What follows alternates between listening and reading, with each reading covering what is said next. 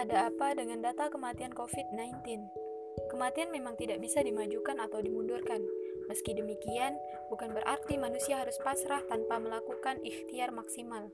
Pada masa pandemi, ikhtiar maksimal yang bisa dilakukan pada tatanan individu adalah mematuhi protokol kesehatan, menjaga daya tahan tubuh dengan konsumsi makanan dan vitamin secara seimbang, dan melakukan vaksinasi.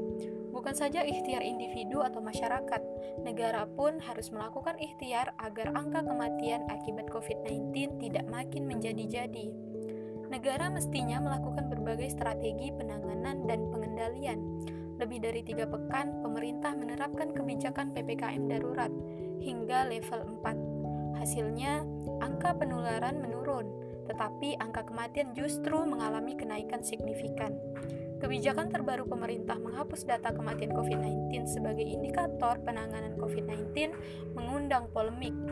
Ahli epidemiologi Diki Budiman mengatakan dengan tegas bahwa langkah yang diambil pemerintah ini bukan cuma salah dan keliru, tetapi berbahaya karena indikator kematian adalah indikator kunci saat ada pandemi. Dia menjelaskan, indikator angka kematian bukan hanya untuk melihat intervensi di hulu, tetapi juga untuk menilai derajat keparahan dari suatu wabah. Penghapusan data kematian COVID-19 pasti berdampak pada kebijakan penanganan pandemi. Tercatat ada 26 kota dan kabupaten menurunkan level PPKM. Jika data kematian hilang, masyarakat akan kembali longgar dan abai. Kegentingan pandemi tak lagi dipandang sebagai sesuatu yang wajib diwaspadai. Kematian akibat pandemi telah memberi pilu. Kebijakan gas rem sejatinya hanya akan memperpanjang usia COVID-19. Sebentar longgar, tak lama kemudian diketatkan. Beginilah jika menangani pandemi dengan kacamata kapitalisme.